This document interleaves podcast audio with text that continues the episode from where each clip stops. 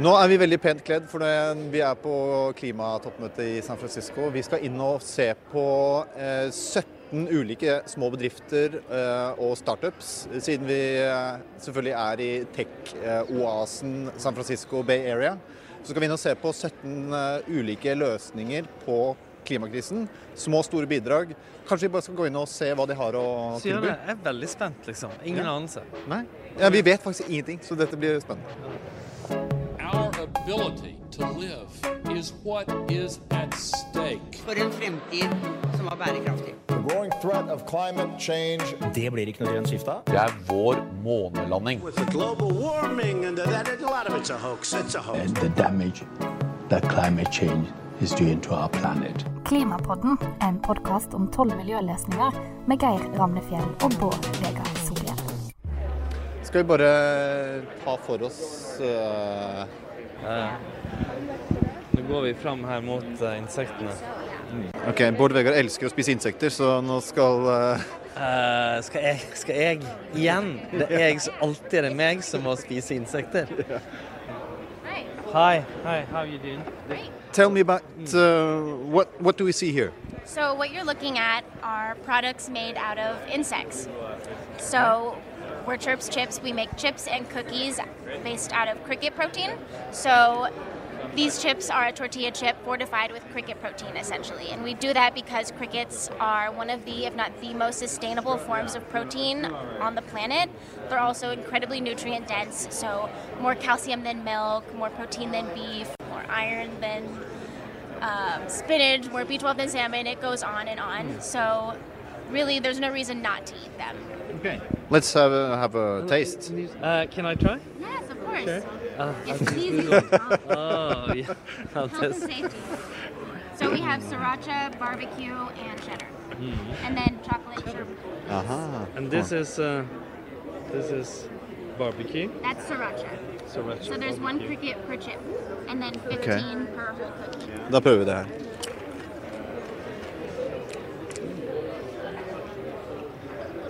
This is like the real thing. Yeah. Great. It's good. Because mo- most importantly, yeah, I could. I mean, if someone gave me this, I would. I'd take it for corn. Yeah. I think. Yeah. Yeah. Yeah, most people can't really taste it. So Hmm. crickets have a really subtle nutty flavor. Hmm. So when you combine them with, say, the ingredients in this, like garlic or the Hmm. cookies, cinnamon, they get pretty overpowered. You can't really taste it. Ok, thank you. Thank you. Skal vi fortsette med, med mat? Er det det som er Mat som er vår greie, tror jeg. Det ser, mat ser liksom litt mer gøy ut. Hi. How you doing? Hi. What what do we see here? What is this? So we are looking at seaweed, which is one of the world's most underutilized, most nutritious sources of food that we have on the planet. Okay. So seaweed is an order of magnitude higher in vitamins and minerals than any leafy green that you can grow on land. Like kale, chard, spinach. Um, it's mostly protein and fiber. Um, most of the carbohydrates are undigestible, so all the things that people don't want are not digested by us, while all the things that we do want are super rich in these seaweeds. And what what what does your company do to the seaweed? Well, the company is just starting. Um, I'm a scientist, Brant's a, a business uh, entrepreneur um, who started this company after working in my lab, learning about seaweeds and learning about kind of the untapped potential. So I'll let him tell you about what the company is doing. Um, but just seaweeds have a whole variety of uses, not just in culinary applications, which is what we're initially starting in, but also the potential for um, even climate mitigation. I'm not sure if you may have heard, there's a species of seaweed that, when fed to cows, can reduce methane production from cows by up to 60%. Wow. Um, and there's only one species of seaweed so far that does that, and that species hasn't been grown in captivity yet. So that's an area where kind of research and innovation combined with business development is something that we're really excited about exploring in the future. Thank you so much. Bård Vegar, velkommen til den 13. episoden av 12 miljøløsninger. Men Geir, Du, du, du trenger ikke sånn overtydelig få fram at vi har bomma og har en episode for mange. Folk, jeg tenkte mer sånn folk glemmer sånne ting, hvor mange det var og sånn. Du kunne bare sagt velkommen til siste episode. Ja, og alder er bare tall, på samme måte som eh, at episodeantall bare er et tall. Eh, åpenbart. Og greia er, vi klarte ikke å begrense oss, klarte ikke å prioritere. Kanskje det er et godt tegn. Det er mange løsninger der ute. Ja, og vi kommer jo ikke utenom teknologi i denne podkastserien. Og apropos begrensning, teknologi kunne egentlig vært en egen sesong. Ja, det kunne det, for det, det er helt ufattelig spennende og stort tema. Eh, og hvordan banebrytende teknologi tas i bruk for å redde klimaet og miljøet, det finnes det heldigvis veldig mange eksempler på i dag. For noen hundre år siden så begynte vi å brenne kull i det vi kaller den første industrielle revolusjonen. Nå er vi inne i det mange omtaler som den fjerde industrielle revolusjonen. Og i den så er det data som er drivstoffet, ikke kull. I'm Murat Sörmez. I'm head of the World Economic Forum Center for the Fourth Industrial Revolution, located at the Presidio in San Francisco. So, the first industrial revolution was steam powered engines, second one was electricity, third one was computerization. What we're now seeing in the fourth is a number of developments in science and technology happening simultaneously and rapidly in gene editing, in Internet of Things, in drones, autonomous vehicles, artificial intelligence, new materials, and 3D printing. So the fourth industrial revolution is another technology revolution. What's different is the speed, scale, and scope at which it's happening. And um, are you optimistical that the fourth industrial revolution uh, will be able to contribute to solving the climate crisis? I'm very optimistic, but we need to take a step back and say, how do we accelerate it? And what are the governance issues that are related to that? Because if you look at artificial intelligence, it needs data. So, data is the oxygen for artificial intelligence. We have already seen amazing developments that started after uh, 2016 when DeepMind mastered a Chinese game called Go using data available. And after Google acquired them, they reduce, if I'm not mistaken, their energy consumption in their data centers by more than 30%, just looking at data. So, what if we can instrument the oceans and the fields and the cities and collect data properly and then run machine learning algorithms? I think we can really accelerate the solutions uh, to some of the biggest challenges we have, including climate. Vi vet ikke akkurat hvordan framtida ser ut, men vi vet mye om eh, hva teknologier må hjelpe oss med. For klima det handler først og fremst om å slutte å fylle på med mer CO2 i atmosfæren. Det tåler ikke.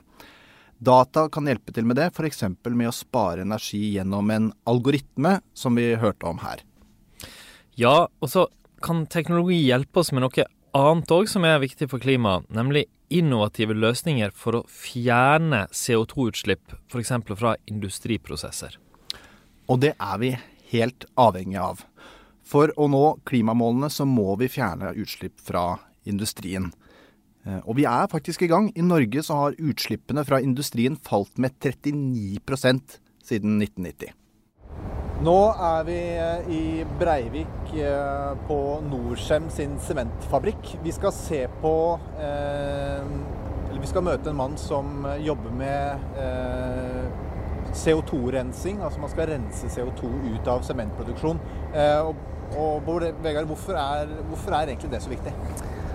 Altså Det viktigste er at sement er et ufattelig bra produkt som vi er helt avhengig av. Bare tenk alle bruer, konstruksjoner, bygg. Og, og, og per i dag så har ikke vi noen erstatning. Så vi trenger sement som produseres i den svære fabrikken der oppe. Men på den og alle andre sementanlegg så slippes det òg ut enorme mengder CO2. For i prosessen med å lage sement så tar du kalkstein, varmer den opp, og da frigjøres det CO2 som kommer rett ut av den pipa der. Og det her er et av Norges største punktutslipp. Altså det et av de stedene i Norge det slippes ut mest CO2. Og det samme er det på sementfabrikker rundt omkring i verden. Og derfor, fordi vi ikke har en erstatning fordi det er store utslipp, så må vi finne metoder for å eh, fange den CO2-en og, og, lagre den istedenfor å slippe den ut i atmosfæren. Mm. Og det er jo også sånn at eh, dette her er da ett av to eh, testanlegg for CO2-rensing i Norge. Så vi er veldig avhengig av at dette her faktisk virker. Ja, altså det er to anlegg som er på en måte lengst framme, og som nå har blitt videre andre har skall av. Og Det ene er på Klemetsrud i Oslo, helt annen eh, historie. Og det her som er på sement. Begge er kjempeviktige. Eh, vi, som, alle som jobber med klima i Norge, er opptatt av at de prøves ut, at det fortsetter, at regjeringer eh, og storting bevilger penger til det. Eh, og det her har det òg det spesielle ved seg at det er veldig mange av den typen fabrikker andre steder kan ta det i bruk hvis man lykkes her. Så det er en sånn, nok et godt eksempel på at noe vi gjør i Norge, kan spre seg. Og sementproduksjon er ja, 5-7% av de globale CO2-utslippene. Så det har kjempemye å si. Mm. Men hvis man tenker på det å kutte utslipp og fjerne utslipp, så tenker man ja, men skal man ikke slutte med de tingene som Mm. er forurensende? Hvorfor skal vi drive og styre med dette sementanlegget Ja, det- som slipper ut enorme mengder CO2? Ja, det er et viktig spørsmål. Kull det kan vi slutte med. Vi kan erstatte det med sol og vind og vannkraft og fornybar energi. Eh, Det finnes òg andre industriprodukter. Vi kan, altså, plaster kan vi ofte erstatte med andre ting. Men vi har per nå ingen god erstatning for sement. Ja, sant, Vi kan bruke litt mer tre i fasaden på bygg, og sånn, men du kan ikke, du kan ikke liksom, Grunnmuren må du eh, binde sammen med noe. En bro må ha sement. Derfor er det der. Og derfor er også, dette her er jo òg et eksempel på virkelig teknologiutvikling. Først har man testa ut, prøvd ut, laga teknologier for å fange CO2. Så skal man skalere det opp til å gjøre på den kjempestore fabrikken her. Og etter hvert òg lage en såkalt verdikjede, altså gjøre det eh, lønnsomt å få det til, sånn at det ikke bare er et stort utgiftssluk. Og det som jeg syns er så gøy når Man har hørt om CCS, CCS, altså karbonfangst og. -lagring, veldig masse i, i mediene. Det har vært masse diskusjon om hvordan regjeringen skulle eh, om, man, om de skal prioritere det, hvor mye det vil koste osv. Men nå er vi her. Det er veldig konkret. Det er en Ja. ovn der. Og der ligger havna. Så de skal, da, de skal samle opp all den eh, CO2-en. Den skal de Ja. samle opp i gasstanker som de skal frakte ut på båter som ligger der ute. Ja. Og så skal de Hver fjerde dag så skal det gå et skip rundt ut på Vestlandet, og derfra skal det tas ut i Nordsjøen og lagres i et reservoar eh, der det en gang har vært tatt opp olje eller gass under Nordsjøen. Ja, det er helt utrolig. Det er det. I Brevik, altså ikke Breivik, som jeg kom i skade for å si i stad, eh, møtte vi da Per Brevik. Han heter at det er alt overmålt samme eh, som stedet han jobber på. Eh, han er direktør for alternativt brensel og bærekraft i Norcem, og han viste oss rundt på det massive industriområdet. Det som jeg liker med det her, det er at du, du ser, det er liksom ordentlig industri. Det er ikke, det er ikke sånn tulleindustri, liksom. Nei, her er det Som du ser, du har ovnen. Og ovnen er 65 meter lang, 4 meter i diameter. Og du får inn kalkmelet, eller altså når det blir etter det er kalsinert, så kommer det inn i den enden. Du ser at ovnen har en bitte liten helling nedover, så jeg bruker ca. en halvtime igjennom. Og da er den såkalte kalde enden er rett under det varmeveksleren, det tårnet med varmevekslerne der. Der er temperaturen ca. 900 grader. I den varme enden, i hovedbrenneren, så er temperaturen ca. 2500 grader. Og da, på den tida der, gjennom ovnen, så går temperaturen i materialet fra ca. 900 grader til 1450 grader. Og der, når du kommer på 1450 grader, da forandrer mineralene seg, og så bråkjøler det. Og da har du, har du konstruert eller laget et nytt kunstig mineral som du ikke finner i naturen. CaCO3 blir altså til CaO pluss CO2. Så et halvt tonn CO2 per tonn produkt. Så det dere skal gjøre her, er at dere rett og slett skal ta det halve tonnet CO2 som slippes ut, det skal dere klare å, eller prøve å rense mest mulig. Det skal fanges sammen med den CO2-en som kommer fra selve forbrenningsprosessen. Så til sammen så slipper vi ut i ca. 700 kg CO2 per tonn av dette mellomproduktet som vi kaller klinker. Og det er i den prosessen, det å få kalksteinen og omforma til et klinker, det er det som er den CO2-intense biten av det. Det slippes ut gjennom pipene vi ser her. Ja. Du ser den store pipa her borte. Alt sammen samles i én pipe. Så Norge så slipper man ut ca. litt over 50 eh, millioner tonn CO2 i året. Så det er liksom en sekstiendedel omtrent av Norges utslipp er rett og slett herifra. Men hva er det som mangler nå, da? Hva er det som mangler før dette kan komme i gang ordentlig? Det koster ganske mye penger, så det å bygge det første anlegget tror jeg vi er helt avhengig av at vi får gjennom statlig finansiering. Og hvis den statlige finansieringa kommer på plass, når kan man på en måte få nesten utslippsfri, eller ja, veldig lavt utslipp fra sementproduksjon eh, i Norge? Altså Slik prosjektet er satt opp nå, med dette demonstrasjonsprosjektet, så skal vi levere forprosjektet, som da skal gi grunnlag og danne grunnlag for å fatte en investeringsbeslutning. Det skal vi levere rett før sommeren neste år. Så er det en intern prosess. Så det tidligste beslutningen i Norge vil være våren 2020. Og hvis vi får en beslutning da, så skal vi være oppe og være i produksjon med karbonfangst her i slutten av 2023. Eh, Ja, Geir, nå, nå har vi vært begge steder, og vi kan vel slå fast at det er ganske langt fra Brevik til San Francisco. Ja, men likevel. Tungindustrien i Brevik, der vi gikk med hjelm og så på enorme anlegg, og de små oppstartsbedriftene vi møtte i San Francisco, de har noe til felles. Og det er teknologi. De leter etter nye løsninger som kan løse klimaproblemet, samtidig som det er lønnsomt. Is this what it says it is? Yeah, high speed rail, virtual reality. You want to get on the train? Yes, sure. Sure. OK. And, and what, Nei, det, vet du hva, det vet jeg ikke. Jeg skal ta på et par eh, VR-briller, og så skal jeg ta en, en eh, virtual reality-tur med high speed rail. What's, what's, um, what's the concept here? The concept is to be able to get from San Francisco to Los Angeles in under two and a half hours.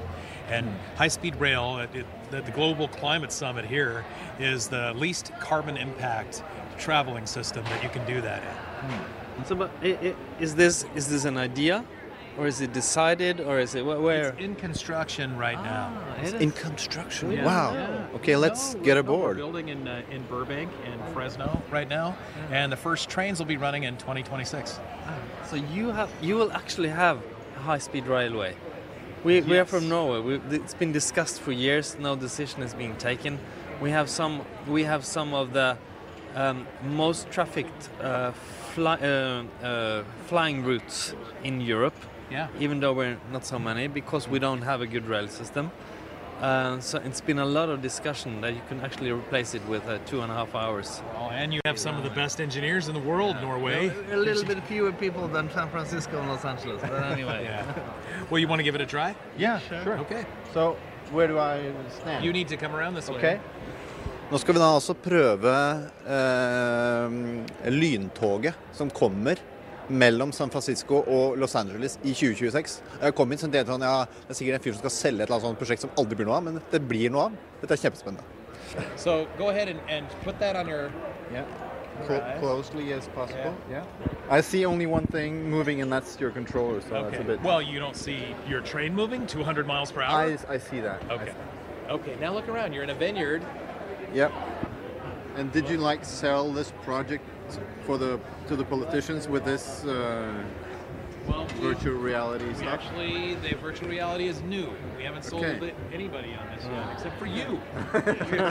I'm sold. You have a so- Visa card Visa card.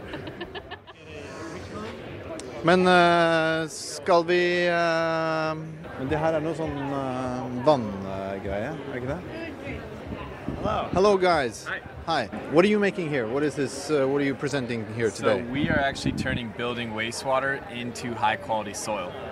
Okay. So what you're seeing now is actually wastewater that we've taken from the Stanford campus. We put it through our process and created fertilizer to grow these plants. Okay.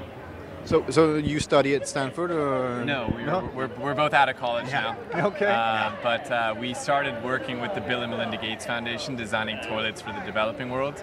And we're now, rather than doing one toilet at a time, we're designing systems that can go into a building, take all the wastewater that people flush down the toilet, um, turn all that solid organic waste into nutrient-rich fertilizer, and then all the water can then be treated and recycled back into the building. Dette her er da De bruker avfall fra toalett, og så bru, samler de alt sammen. eh, tar liksom det som er da the solids, altså toalettpapir og det andre. Jeg skjønner ikke. ja, ja, okay. Ja, men jeg vil ta dette step for step. Ja. Og så putter det inn i den maskinen, Ja. og så kommer det ut igjen som, som jord, da, som de tilsetter noen uh, mikrober. Mm. Og så blir det rett og slett jord som du kan plante i. And is it cost efficient uh, compared to uh, like a sewage system? Um, it depends on the project, but the only projects that we're going into will be cost efficient because the building developer owner, no matter how much they care about the earth, isn't going to do it if it doesn't make sense for business. So all the ones we're going into, it, it uh, it's going to make a lot of financial sense. Okay. Yeah. Ok, Bård Vegard, nå har vi vært og sett på ja, 17 utstillinger med ulike sånn tech-løsninger, ulike løsninger på klimakrisen. Eh, Hva, hva sitter du igjen med? Altså for, for det første at det skjer utrolig masse. Eh, det vi har, det, alle vi har møtt her, var jo her fra California, liksom. Og det er jo en, altså en sydende sted for teknologiutvikling. Flere av dem kom, hadde liksom jobba i et selskap, og så starta de sitt eget Vi hadde begynt på studiene. Og det er liksom en veldig sånn det, det, sånn, det å starte et selskap med ny teknologi virket så normalt, liksom, så vanlig. Eh, og så er det spennende det du tenker på som, ny, som teknologi. Det kan være litt andre ting enn det du, som er det du ser når du kommer hit. Her var det mat. Det var jo et tema som gikk igjen flere steder. Um, det var finansiering. Flere av de vi snakket med, hadde liksom må, nye måter å sørge for at ting blir finansiert, f.eks. i fattige land. Um, og så fikk vi du du, Geir, kjøre tog, da. Jeg fikk kjøre tog, ja. Det er jeg veldig glad for. Ja. Jeg er veldig glad for at du ga Du meg den oppgaven. Du har aldri, du har aldri prøvd virtual reality? Nei, jeg prøvde liksom å holde meg unna det, for jeg syns man ser så dum ut med de der brillene på. så da bare sparte jeg det til det faktisk ble filma mens jeg gjorde det. Så. Ja, ja. Men det, jeg, det var, vi syntes det var spennende. Vi fulgte jo deg på skjerm, hva du gjorde. Ja. Og det er jo både det var jo det er et godt eksempel på bruk av virtual reality. At du Mm. virkelig kan vise hvordan noe er. Mm. Men så er det jo veldig spennende òg at en region med så enormt mange mennesker bygger et høyhastighetstog som Mm. måtte utkonkurrere trolig Ja. nesten all annen transport mellom Og det, det er jo nesten litt rart at ikke det har kommet Ja, før det, i USA. det, det er et godt poeng. Det bor jo 40 millioner i staten, Ja. liksom, og de to byområdene er jo kjempestore. Altså. Og så så vi, var det den, eh, den standen med det, den, det toalettsystemet. Ja, ja, det var det, veldig- det var veldig Jeg, det fanga meg litt, for det var så enkelt, liksom. Altså det, sant? Jeg, jeg tenkte med en gang det vi kaller, liksom, det vi kaller det vel sånn um, tørrklosett hjemme, sant? som mange kan kjenne igjen på hytta og sånn. Men det, det er ikke det. De har vannklosett, og så skiller de uh, uh, det faste fra, fra vannet, for å si det sånn. Uh, bæsj og papir og alt sammen. Og så, og så eh, eh, bruker de det som kompost, tilsetter midler, og gjør det om til jord. Så det som både sparer de da eh, eh, hva skal jeg si, hva heter det, sanitetssystemene, og de får de utvinner jord gjennom det, og, og reduserer utslipp ifølge Ja, ja. seg sjøl òg. Så vi er, vi er oppløfta, eh, og vi er, eh, vi, er, vi, er, vi, har fått nye ideer. Vi tror på teknologi, i hvert fall. Når vi gikk ut av det rommet. Det merket jeg veldig for oss begge. Wow, liksom. Ja. Takk. Ja, vi kan, kunne kanskje høre her at det er lett å bli teknologioptimist i San Francisco Bay-området, Bård Vegard. Men, Men Var det meg? Han fyren liksom som var helt i fistel på opptaket? Det var deg. Okay. Men, men, men er det egentlig sånn at teknologien kan redde verden, eller er det politikerne som må gjøre det? Altså, akkurat løsningen ligger jo i en form for kombinasjon. For det er klart at teknologien kunne jo bare få virke, og når, og når markedskreftene setter i gang og sprer teknologien og senker prisen, så tror jeg at veldig mange, mye av den grønne omstillinga kommer til å skje. Det er bare at vi har så fryktelig dårlig tid. Hvis det ikke var dårlig tid, så kunne vi bare lene oss tilbake igjen og, og vente på den. Men nettopp fordi vi er avhengig av at det skjer raskt og spres raskt, så er politiske virkemidler, reguleringer, bevilgninger en ganske viktig del av løsningen. Og der er jo forbudet mot glødepærer et lite, men veldig godt eksempel på hvordan politiske beslutninger fører til teknologisk utvikling og endret forbruksmønster. Da forbudet kom i 2009, så var det stor motstand fordi alternativene var så dårlige. Jeg husker en elektriker som fortalte om en sjef han hadde, som hadde samla opp et helt rom fullt med gamle lyspærer. Jeg lurer på hvordan det så, ser ut der nå. Men det som skjedde da, var at alle lysprodusentene de så at hvis de skulle overleve, så måtte de sette fart på utviklingen av nye løsninger. Og utviklingen vi har sett i bl.a. LED-pærer de siste årene, har jo vært helt formidabel. Ja, sant. Og det, det, det er faktisk et ganske presist eksempel. Og elbilutviklinga er jo òg vært drevet av framover av politiske vedtak i Norge i kombinasjon med teknologi. Et annet felt, smarthusløsninger, er interessant nå, for det kan gi forbrukerne en mye viktigere rolle i energisystemet. Du kan i ditt eget hjem produsere strøm gjennom solceller på taket, selge overskuddet, lagre strømmen du produserer hjemme, styre apparatene i huset, slik at de bruker minimalt av den strømmen. Dette er en fantastisk utvikling som vi bare har sett starten på, men der politikere kan premiere med gode rammebetingelser og drive utviklinga raskt framover ved reguleringer og, og um, andre vedtak. Men eh, i klima- og miljødebatten så er jo teknologioptimist av mange oppfattet som et skjellsord, rett og slett. Hvordan reagerer du hvis jeg kaller deg en teknologioptimist, Bård Vegar? Uh, jo, uh, ja Du veit, jeg liker å være litt nyansert. Ja, ja både og. Nei, jo da, jeg er på mange måter er jeg det. Jeg er, på, jeg er på den måten at jeg er helt overbevist og mener jeg har sett at teknologi spiller en veldig viktig rolle i løsninga. Men ofte forbindes det begrepet kanskje litt med de som tror at det på en måte i seg sjøl vil endre ting, og det tror ikke jeg. Jeg tror at jeg tror det vil skape fantastiske endringer som, som vil være en viktig hjelp, men jeg tror vi er avhengig av en dytt i riktig retning. Bl.a. at næringslivet faktisk bruker sin, all sin kompetanse og kapital på klimateknologi, ikke alle andre ting. Og veldig avhengig av politiske virkemidler. Bård Vegar, det var som vanlig veldig, veldig klokt og godt sagt. Hvis du skal eh, rangere på en eh, skala fra 1 til 12. Og vi gjør fortsatt, fortsatt 1 til 12, selv om vi er nå i episode 13. Så du kan jo sprenge skalaen da, hvis du vil. Men hvis du må rangere på en skala fra 1 til 12, prøv å begrense deg innenfor den, sjangeren, eh, innenfor den skalaen.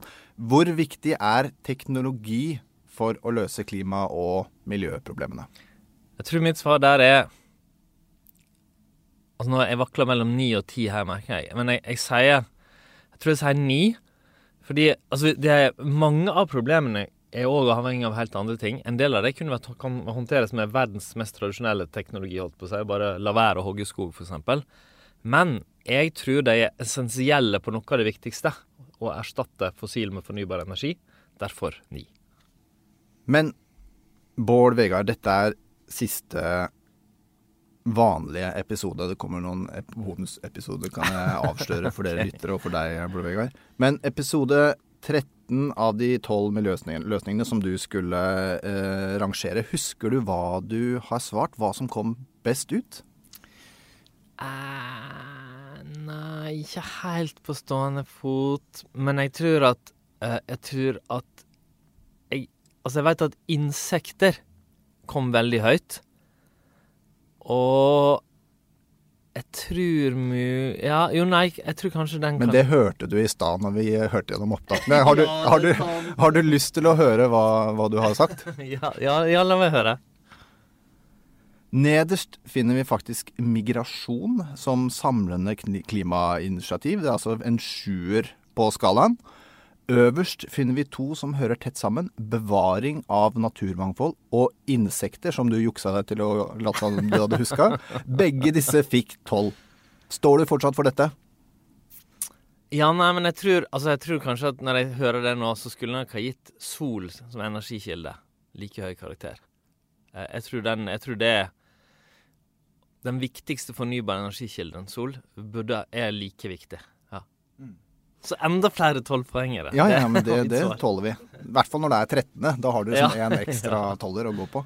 Men som nevnt, altså. Dette var siste ordinære episode i denne sesongen, i denne serien. Men det kommer en bonusepisode allerede om en uke, og kanskje det kommer en bonusepisode til etter det. Klimapodden er laget av Dagbladet med produsent Marie Røsland. Programleder er politisk redaktør Geir Remnefjell i Dagbladet, og ekspertkommentator er Bård Vegar Solhjell, med faglige bidrag fra Ragnhild Vågård i WWF. Og du, hvis du likte denne podkasten, abonner på den, del den veldig gjerne med vennene dine, og gi oss gode tilbakemeldinger.